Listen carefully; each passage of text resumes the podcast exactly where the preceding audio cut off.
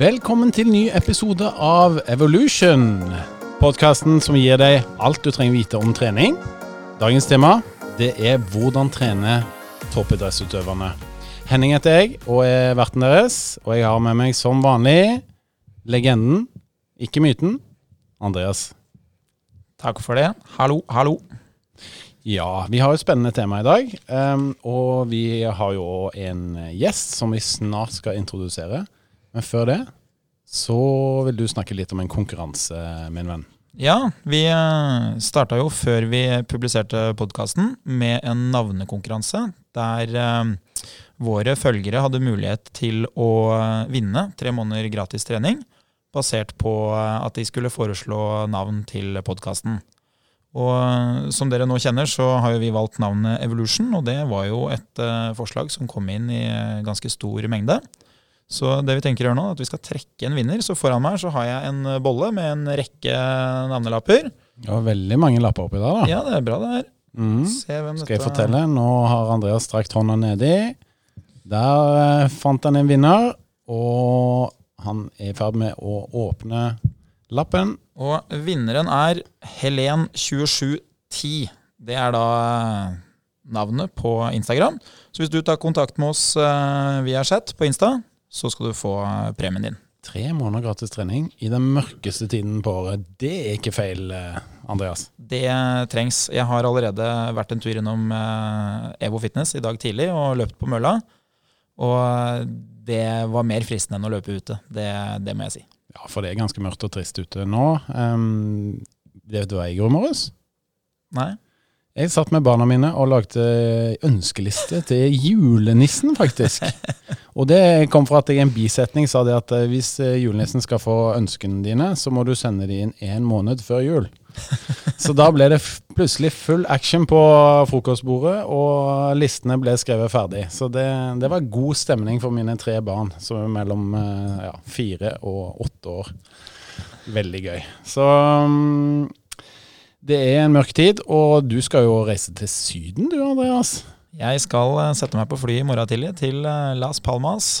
Og eh, da blir det mulighet du, for å få litt sol i de ti dagene det er meldt regn i Oslo nå framover. Hva skal det, du trene? du, Det er faktisk treningssenteret på det hotellet vi bor. Så jeg tenkte jeg skulle både få trent litt styrke, men selvfølgelig jeg tar med løpeskoa òg, da. Jeg gjør det. Blir det flere langturer, eller blir det intervaller? Hva er fokus? Nei, sånn I forhold til det å skulle reise med familien, da, så, så, er nok eh, de litt eh, kortere turene enklere å få til. Så det blir vel en time om morgenen, kanskje, der det blir enten intervall eller eh, rolig sammenhengende. Avhengig av hva som skal foregå seinere på dagen. Da. Veldig bra. Det skjønner jeg at du gleder deg til. Men vi skal over til dagens tema, og det er hvordan trene toppidrettsutøverne. Um, dagens gjest han uh, har jobba sammen med meg faktisk som personlig trener på EVO Nydalen uh, fra 2010 til vel uh, 20, slutten av 2012, starten av 2013. Ja. Um, og vi har go en god relasjon. Han har vært fysisk trener for de flinkeste, dyktigste, mest kjente alpinistene i landet, med Aksel Lund Svindal, Kjetil Jansrud. Um, og Henrik Kristoffersen, blant andre. Så Lars Mæland er dagens uh, gjest. Velkommen til oss, Lars. Tusen takk for det. Ja. Hjertelig. Det er veldig hyggelig å bli invitert. Ja, Du var jo uoffisielt en av Oslos uh, kjekkeste menn når du var mellom 20 og 30 år. Nå uh, kan vi jo si kanskje at du har blitt redusert til en radiostemme. Ja, Det er litt synd å si, men uh, det går én vei etter at man har passert 30, dessverre. Nei, det er bare tøyse. Du holder deg svært godt med kledelig skjegg for anledningen. Veldig hyggelig at du ville komme. Ja, hvordan var hverdagen eh, for deg som fysisk trener gjennom flere år for uh, Aksel Lund Svindal og co.? For det første var det jo en konstant reise, guttetur, uh, å være på tur ute med disse fantastiske idrettsutøverne. Så det de som er glad i å reise på guttetur eller jentetur, så veit dere hva jeg snakker om. Stort sett, i hvert fall. Eh, men det var veldig utfordrende. Det er jo idrettsutøvere som krever mye av seg sjøl, og ikke minst eh, omgivelsene. Så som meg som fysisk trener, som var på en måte mitt ansvarsområde, så var det veldig eh, utfordrende, rett og slett. Um, og når jeg kom fra jobben som personlig trener, um, så hadde jeg på en måte en veldig bra og brei bakgrunn. Og, og det hjalp meg veldig mye i starten når jeg skulle lære denne idretten å kjenne. Når jeg sitter og ser på TV-en, og disse tøffe gutta og jentene kaster seg ut forbi eh, Kitzbühel-bakken på ski og har hastigheter som er helt enorme, og man må egentlig bare stole på egen muskelkraft, da. Mm. Um, så ble jeg veldig, veldig imponert. Mm. Så spørsmålet er hvor mye har det mentale å si for disse her eh, idrettsutøverne? Det har ekstremt mye å si. Um, erfaringsmessig, hvis jeg skal bruke på en måte min bakgrunn, så ser jeg jo de som har måte sjøltilliten på plass, de lykkes jo i størst eh, grad. Eh, når det kommer til å ha ja, altså mentale teknikker, altså fokus til, til eh, visualisering og de egenskapene der, så er jo det ekstremt viktige egenskapen når det kommer til å prestere i alpint, som er på en måte en så utfordrende idrett med tanke på fart og med, med risikograd, ikke minst. Så all honnør til de guttene og jentene. For, si det sånn. mm, ja, for det er jo en risikosport, og vi har jo sett det har vært knall og fall, også blant de norske opp igjennom. og i kjølvannet av det så er det jo gjerne en uh, treningsfase som oppstår, hvor man må trene seg opp igjen. Um, hvor mye var du involvert i de fasene? Eh, ganske mye. Eh, jeg har jo på meg eh, litt sånn kødding, men eh, eneste trener som har tatt eh, Eller fotballtreneren eh, som har tatt akillesen til Aksel Lund Svindal, var egentlig en av de første tingene jeg gjorde som trener. -hmm. der vi skulle leke litt med en ball, men det endte opp med et akilles-ruptur. Akilles røket. Um, dessverre. Det, ikke at det var min feil, men det er bare sånn tulling i etterkant at det ble litt sånn slått opp. Det var jo du som satte opp økta, var det ikke det? Jo, det var jo det. Nei, absolutt ikke din feil. Nei, det, men, uh, ja, um, spøk til alvor. Uh, når skade skjer sånn som det skjedde der, da, akutt, så er man jo for det første en del av et veldig stort og bra team. med, med medisinsk personell på laget, og oss som er trenere, og ikke minst Olympiatoppen. Uh, i bakhånd som er veldig flinke til å, å, sette i gang prosesser og samles, og ikke minst den tverrfaglige delen av det. Altså begynne å spare på hva vi skal gjøre, og hvordan vi skal få vedkommende tilbake til idretten så fort som mulig, og så trygt som mulig. Mm. Hva er din filosofi som, eh, som, trener, når du da jobber med disse her? Eh, det er jo herrelandslaget du har vært fysisk trener for. Mm. Du jobber med noen av de mest kjente personene i Norge, noen av de største stjernene vi har. Og så skal du være treneren deres og ha ansvar for det fysiske. Det, det, er ganske, det, er et stort ansvar å ha som trener. Um, og jeg er sikker på at mange uh, misunner deg den oppgaven som du har hatt. Kan du fortelle litt om, om hvordan det var for deg? Ja. Um, for det første var jeg jo ekstremt heldig i den uh, prosessen, syns jeg, da, uh, når jeg søkte på jobben i 2014. Eh, kom som sagt fra bakgrunn med kun i hermetegn personlig trener. Det var jo litt sånn utfordrende for meg sjøl, fordi man prater seg sjøl ned i de fleste sammenhenger. Men her var det på en måte ingen grunn til det. Gutta var veldig imøtekommende. De er jo for så vidt relativt selvgående, men de trenger på en måte noen som setter opp et opplegg, programmerer og ikke minst følger med i det, daglige. Fasilitere at ting er på plass for at de kan gjøre den jobben som faktisk kreves. Så, men apropos filosofi, så er ikke sånn, den har utvikla seg egentlig over tid. Over, uh, jo mer erfaren jeg ble, jo tryggere jeg blir i rollen. For jeg var jo på en måte på den kalde 24-7. Og det er for det første eh, veldig artig eh, å være så tett på så store navn, men samtidig så er de mennesker som oss andre òg. De er veldig eh, ja, kalle lik meg sjøl, og som jeg sa, det er guttetur. Konstant på guttetur, og det er jævlig Unnskyld språket. Veldig artig. Når vi snakker om guttetur, så ser jeg på deg, Andreas. Du er glad i å dra på guttetur, du òg. Men uh, det er kanskje ikke like høyt nivå på, på det som uh, skjer der? Heldigvis har jeg vel uh, blitt litt eldre og vokst opp, men jeg Jeg har vel besøkt de fleste stedene i Europa det er verdt å være på sommerstid. Det, Men eh, når, du, når du ser for deg eh, at eh, Lars reiser da over 200 reisedager i året, eller? Ja, mm. jeg snitta vel på eh, 220-230 reisedøgn i året. Mm. Som trener selv, Andreas. Du er en erfaren eh, personlig trener. Hvordan ser du på den oppgaven som han har hatt? Vi ser jo på det med en stor dose respekt. Ja, definitivt. Det som eh, jeg med en gang kanskje ser for meg liksom er utfordringa, er jo at du, eh, du, forholder deg til litt færre uh, personer enn det du kanskje gjør som personlig trener, hvor du har uh, en litt større kundeportefølje. Og du får litt større ansvar for hver enkelt. Du kan liksom ikke si at uh, 80% hos meg lykkes, fordi det er så få mennesker at du bør liksom lykkes i stor grad med de fleste. da. Og det som jeg syns er veldig interessant, er jo liksom at du du må kanskje bruke enda mer tid på kommunikasjon, det å få noen til å lykkes gjennom at du må kunne overføre din kunnskap til de. Mm.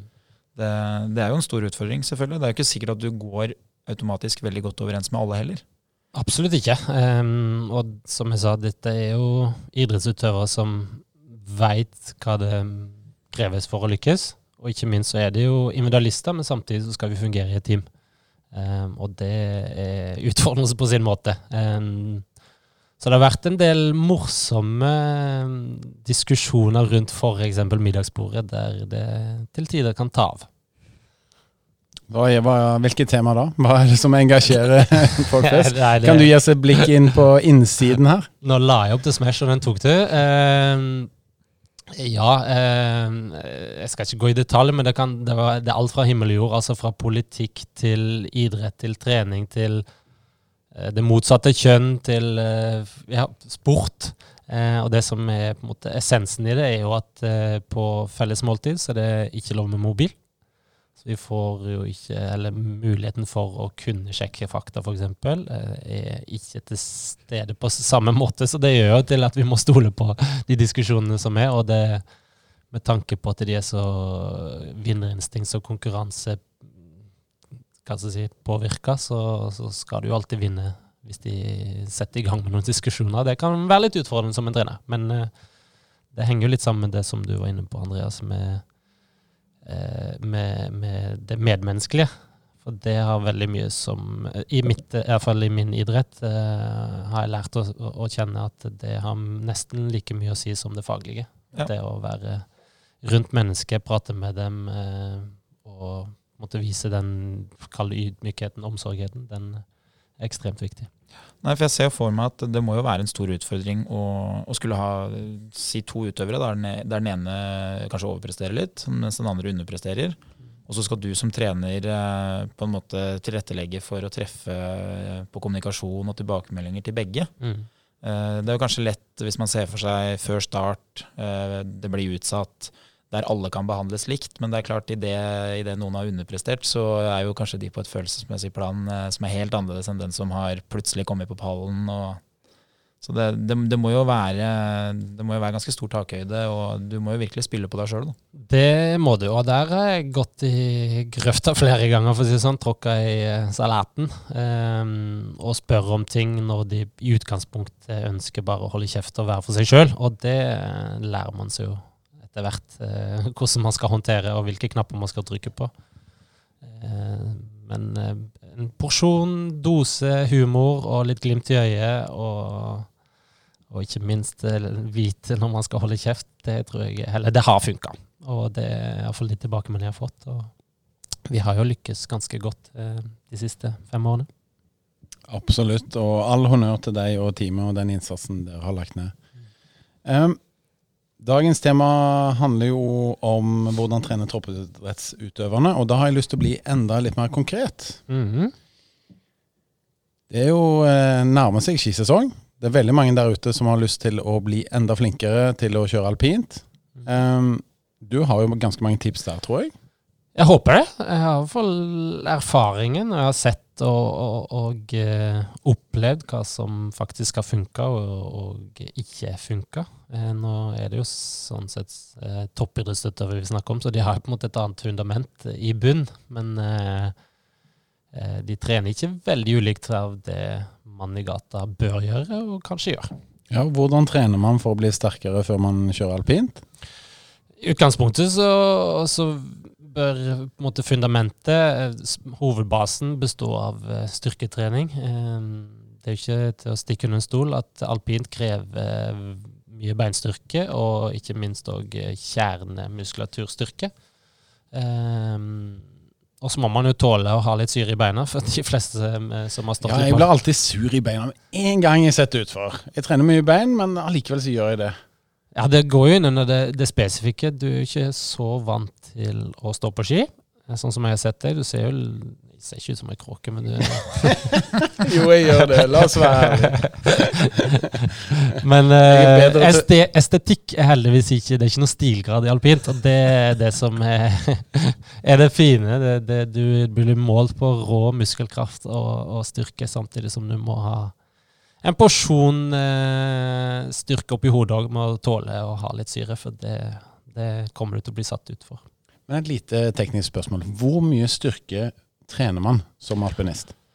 Eh, ja, i, i sesong så trener vi i snitt eh, Trener vi, nå prater jeg som om, eh, som om det, men eh, eh, vi trener i snitt én dag i, i uka. Hver sjuende dag ca. Med ren beinstyrke. Ikke så mange øvelser, men nok til å få et, et, et fysisk utbytte av det som, eh, som er en type vedlikeholdstrening, men òg eh, kall det prestasjonsfremmende trening. Eh, Mage-rygg trener vi ca. hver tredje dag. Og eh, aerob utholdenhet, altså kondisjon, trening som dere vet dere har prata litt om før, det trener vi ca. Eh, hver sjuende til niende dag med litt aerob intervall, og da som oftest litt lengre intervaller. Det, det som er interessant, da, kanskje for lytterne, det er jo sånn type spesifikk eh, hvilke øvelser. Og det som for meg da fremstår som kanskje den aller største styrken du har vist mens du har vært eh, trener, det er jo at man evner å forstå at det som foregår i styrkerommet, det har veldig stort utslag for hvordan plassering du får til slutt. Ja, og, og ja, takk, takk for det. Må jeg den ydmyke sida òg. Eh, og det mm, som er, er fint med alpinister, er at de skal ikke være De skal være litt gode på alt. En type jack of all trades, og du må, du må trene stort sett eh, alle de fysiologiske egenskapene. Altså styrke, kondisjon, balanse, koordinasjon. Eh, og det gjør jo òg at jobben min eh, har vært veldig givende, for vi har variert veldig mye. Og det er jo en av de, apropos filosofi, men det er jo en av de tingene som jeg har troa på, at eh, mye variasjon gir, gir fremgang. Eh, men um, nå datt jeg litt ut av spørsmålet ditt, egentlig. Ja, hvis du- det. Hvis du skal beskrive en type treningsøkt, da, du, Ja. du snakker jo om en styrkeøkt i uka her. Ja. Hvordan type øvelser er det du ville ha lagt inn i en sånn økt? Ja, I sesong, eh, hvis vi tar sesongen under ett, fra ca. 1.9. til 1.4, eh, der de er på en måte i konkurransesesongen, så, så ser en typisk styrkeøkt ut eh, i forhold til styrkeøvelser. En type aktiveringsøvelse, alt fra altså enfotsøvelse, en type step-up f.eks., med eksplosiv utførelse, eksplosiv eh, eh, fokus. Eh, og så har vi en sånn type hovedøvelse som kan være en type eh, knebøy, eh, frontbøy, eh, hvis det er mulig. Eh, så vi bruker mye de type øvelsene. Eh, flerleddsøvelser, markløft.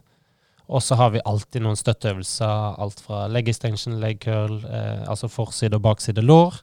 Eh, det kan òg være noen strakmark og sånne ting for å tenke i retningen skadeforebyggende, men òg prestasjonsfremmende. Så i, stor grad så velger man øvelser da som minner veldig om bevegelsesmønstre som skal foregå på ski. Ja, i utgangspunktet ja, men vi tenker ikke så spesifikt, selv om øvelsen i utgangspunktet eh, liggende på bevegelsen i alpint. Men eh, ja, for de som kan alpint, så vet man òg at eh, måte vinkelhastighetene, vinkel, vinkelen man har i, i kne og hofte, er ikke så stor i alpint som folk egentlig tror. Nei. For vi, vi har jo sett noen, noen helt sånne sinnssyke videoer der dere driver og hopper i tog etter hverandre på, eh, i gymsalen på, i sommerhalvåret. Ja, ser bedre ut på sosiale medier enn det gir seg i alpinbakke. Men ja, det, men det er mer Ja, det er fysiologisk eh, veldig gøy. Det ten- testa hodet litt, hvor mye syre du tåler. Apropos Henning, du kunne gjort det litt mer, kanskje? Kan du teste på kontoret her eh, etterpå? Eh, Vi får hoppe bortover og få med oss eh, Subek, eh, vår kjære lydmann. ja, Som meg, Andreas, eh, Halvor og Subek hoppende bortover kontoret. Da spørs det om vi hadde blitt kastet ut, kanskje. tror jeg det hadde sett rart på andre sida av gata her. Men Ja, eh, ja, eh, toget, for de som ikke veit hva toget er, så kan dere gå inn og google. Lurer på om det ligger noen videoer på YouTube eller i sosiale medier-kanaler. Det ser jo egentlig veldig kult ut. Ja, det er jo for, for meg som trener så er det veldig gøy. For utøveren så er det litt mer pain in the ass. Det, Beste ved å være trener, det er å se andre trene. Ikke kjenne smerten selv. Ja. Men de som har trent, har det jo bedre etterpå, da.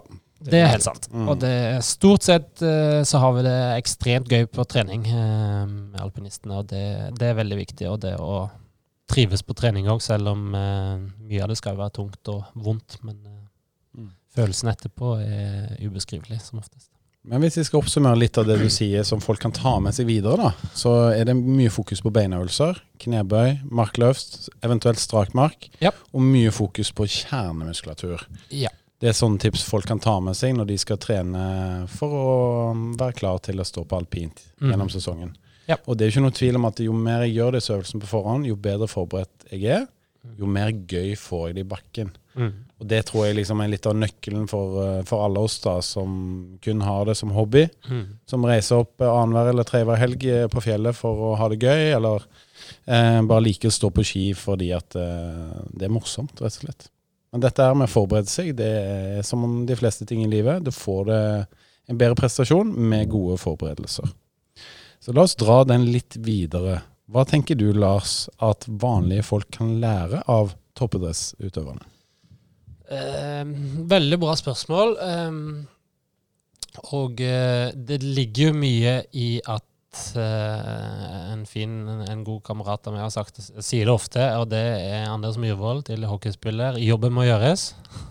Han skriker litt som Petter Stordalen, men eh, eh, det er et veldig fint utsagn. Og det toppidrettsutøvere på en måte gjennomsyrer dem, er at de, de skulker jo aldri.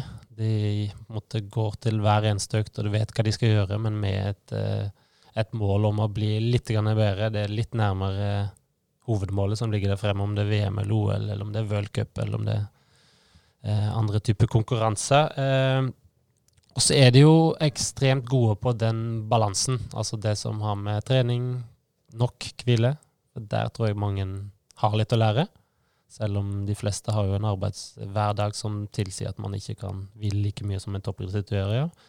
Og ikke minst så er det kosthold. At man er relativt nøyaktig og flink på det.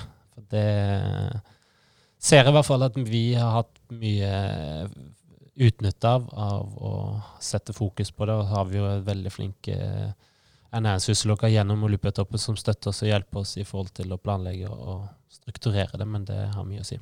Men hva er likheten da mellom eh, en vanlig person som har fulltidsjobb eller er fulltidsstudent, har det veldig travelt, skal trene to ganger i uken og ønsker å få det beste ut av de to øktene?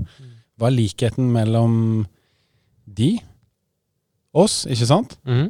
og Kjetil Jansrud, som skal trene, jeg vet ikke jeg, syv, mellom 7 og 14 ganger per uke? Hva er likheten?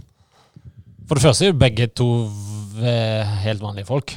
Det er ikke til å stikke under stol, selv om han har eh, optimalisert sin hverdag til å kunne trene så mye. Ehm, og så handler det om å ha en plan, eh, en struktur på hvordan man ønsker å trene, og hvordan man skal få tid til det i hverdagen. For det jo, eh, de har jo mye æren gjøremål, de òg, utenom.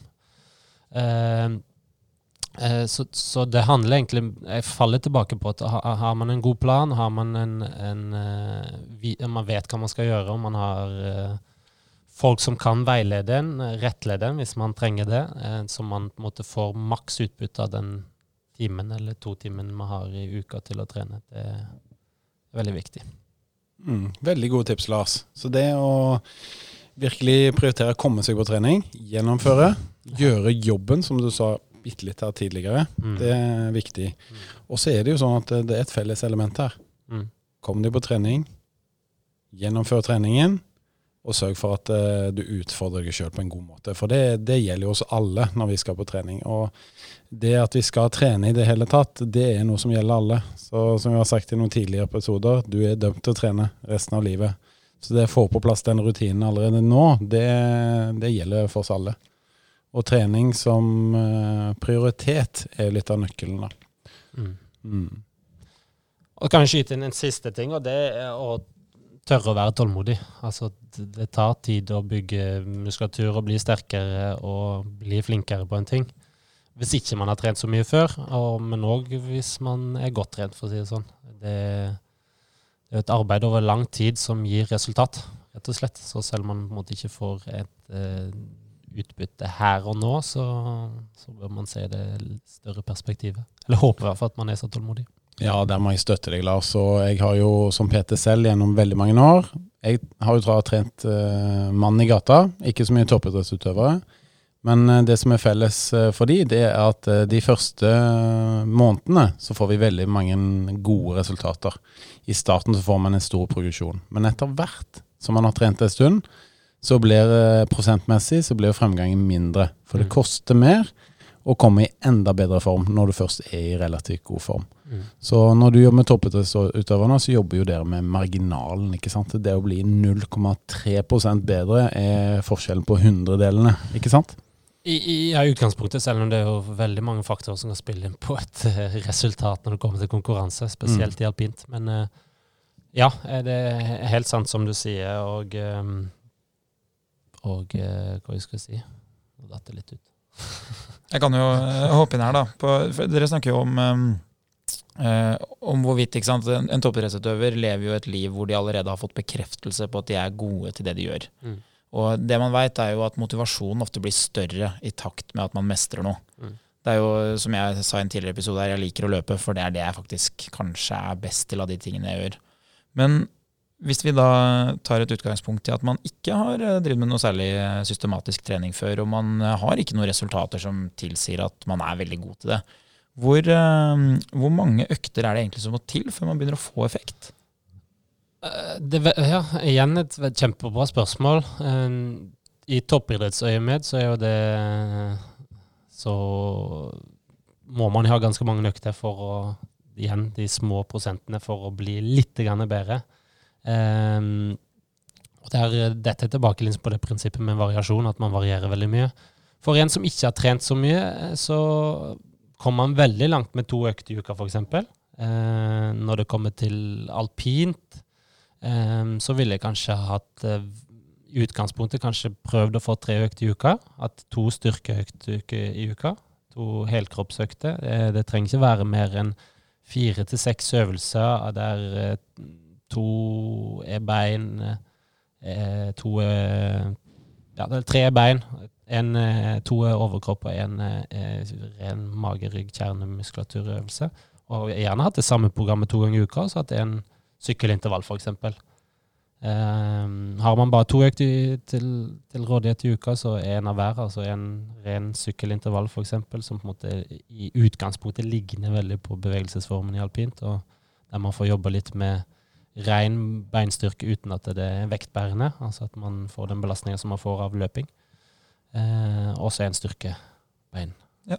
Økt. Da er vi jo inne på sant, type hvor mange øvelser og hvor mange økter per uke. Mm. Uh, Men en ting som vi ikke har snakka om, nå, nå bruker vi eh, treningssenter, eh, type styrketrening, som, som grunnlag for prestasjon her, men det er vel noen dager og timer på snø her i løpet av et år?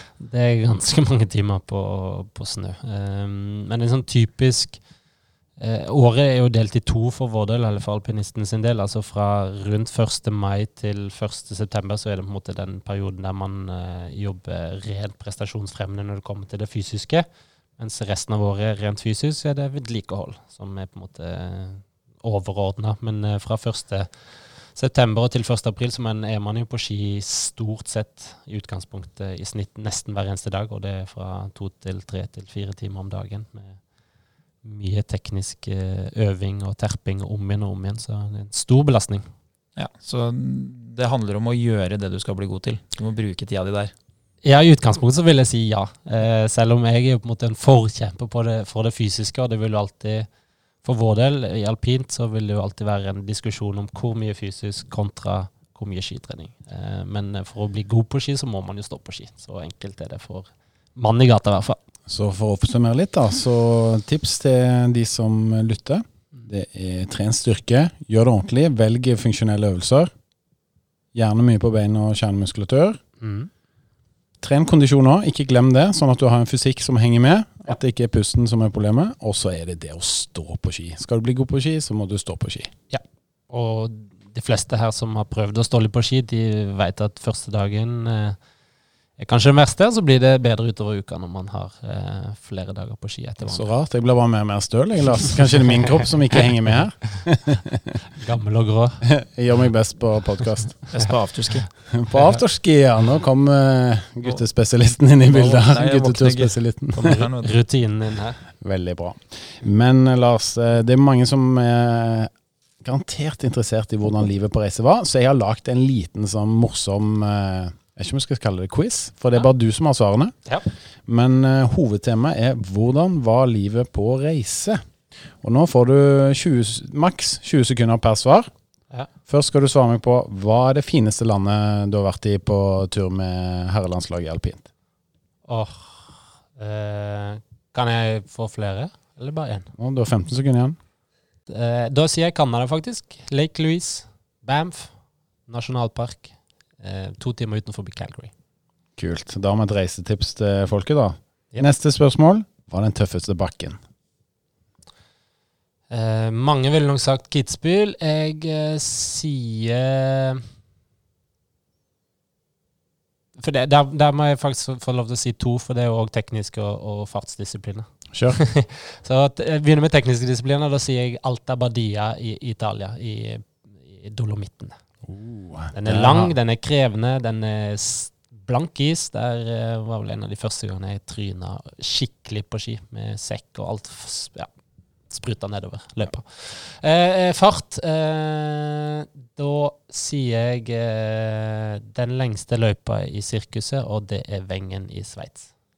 Wow. Dette er kule tips, altså. For de av dere som er veldig interessert i å stå på ski. Tusen takk, Lars. Ja. Neste. Største opplevelsen.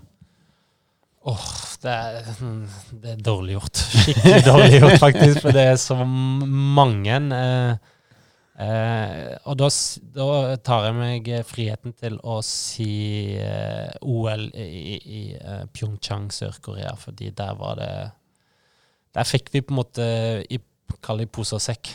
Vi har et OL-gull til Aksel Lund Svindal, vi har et sølv til Kjetil Jansrud, og vi har eh, en eh, bronse vel til Henrik Kristoffersen, og vi har òg et lagbronse, som var kanskje det desidert kuleste som kom eh, virkelig ut av det blå. Det er ingen hadde forventa at vi skulle gjøre.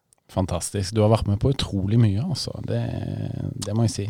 Takk for det. Jo, jeg er veldig privilegert som har fått gjort det her, og jobba med det man syns er gøyest. Mm. To spørsmål til på quizen. Kuleste treningsøkta som du har vært med på? På ski eller på fysisk? Fysisk. På fysisk.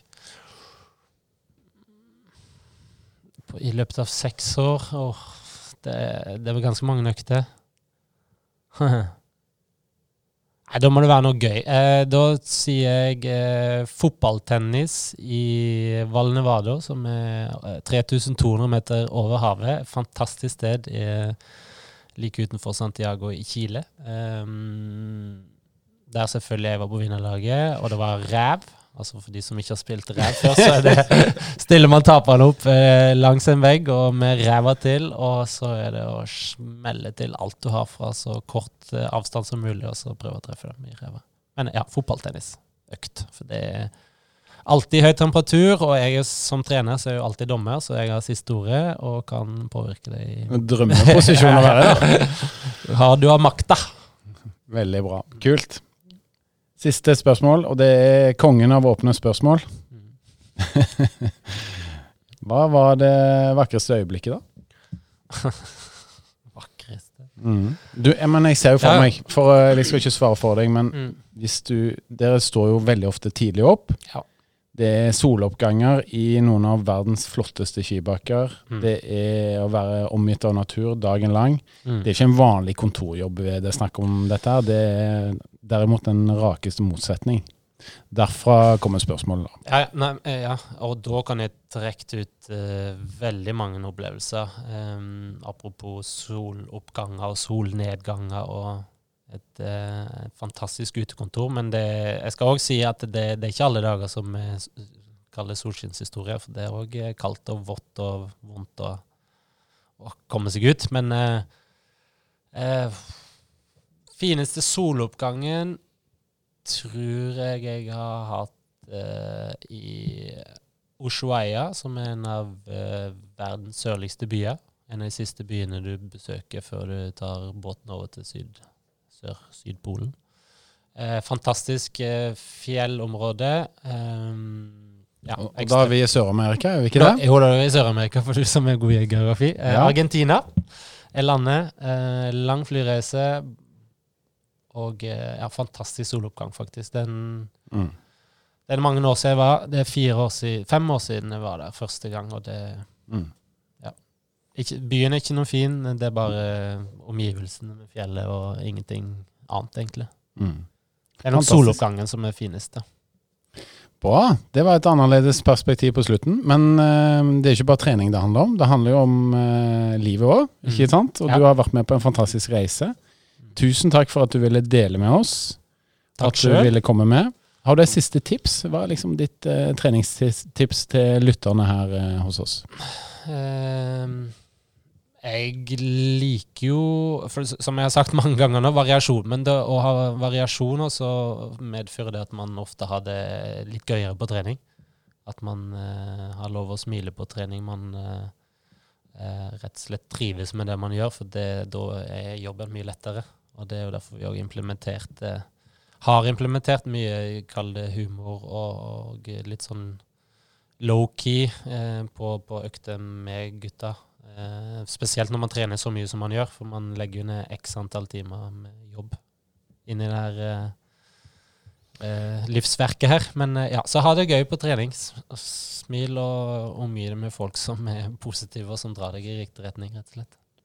Ja, herr Andreas Skjetne. I dag har vi jo virkelig hatt besøk av eh, det som jeg selv vil kalle en av Norges, eh, en av Norges aller dyktigste trenere.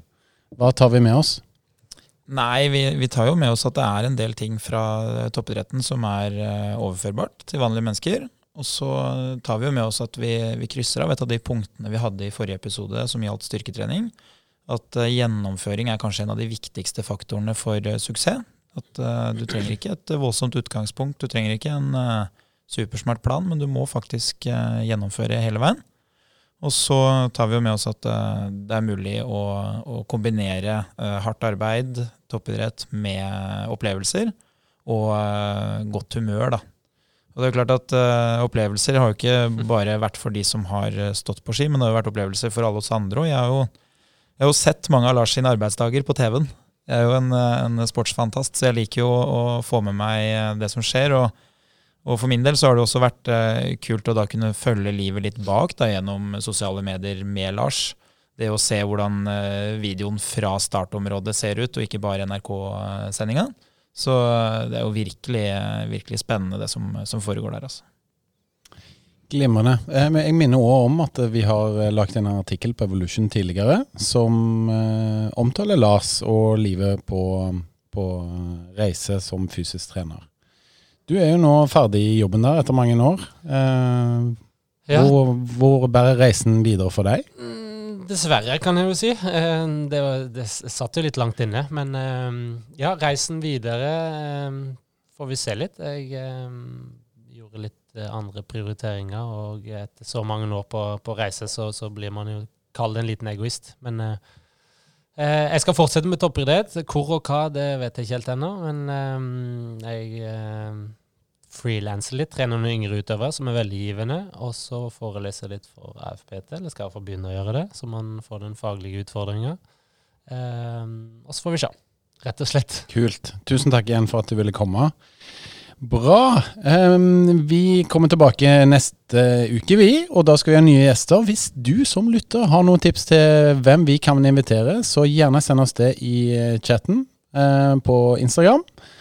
Eller at dere da rett og slett uh, følger oss på Facebook, som òg er en mulighet uh, for deg som lytter. Så jeg håper du har fått mange gode tips. Vi ønsker deg lykke til med skisesongen. Kom deg opp i bakken, stå på ski, dra på treningssenteret, på EVO eller andre steder, og gjør styrkeøvelsen som Lars har anbefalt. Og eh, Det som eh, skal skje her nå, etter at vi er ferdig med dagens sending, er at vi faktisk skal på Snø. Og Snø det er den nye skihallen som bygges på Lørenskog. Norges første skihall. Der er det snø på plass allerede, så der går preppemaskinene. Salget av uh, skikort er i gang. Vi uh, i Evo Fitness da, åpner treningssenter uh, inne på Snø. Så det blir en stor opplevelse for oss å, å, se hvordan det ser ut der oppe nå. Fantastisk. Det gleder vi oss til. Til neste gang. Vi høres. Sayonara. Takk for nå. Ha en flott dag.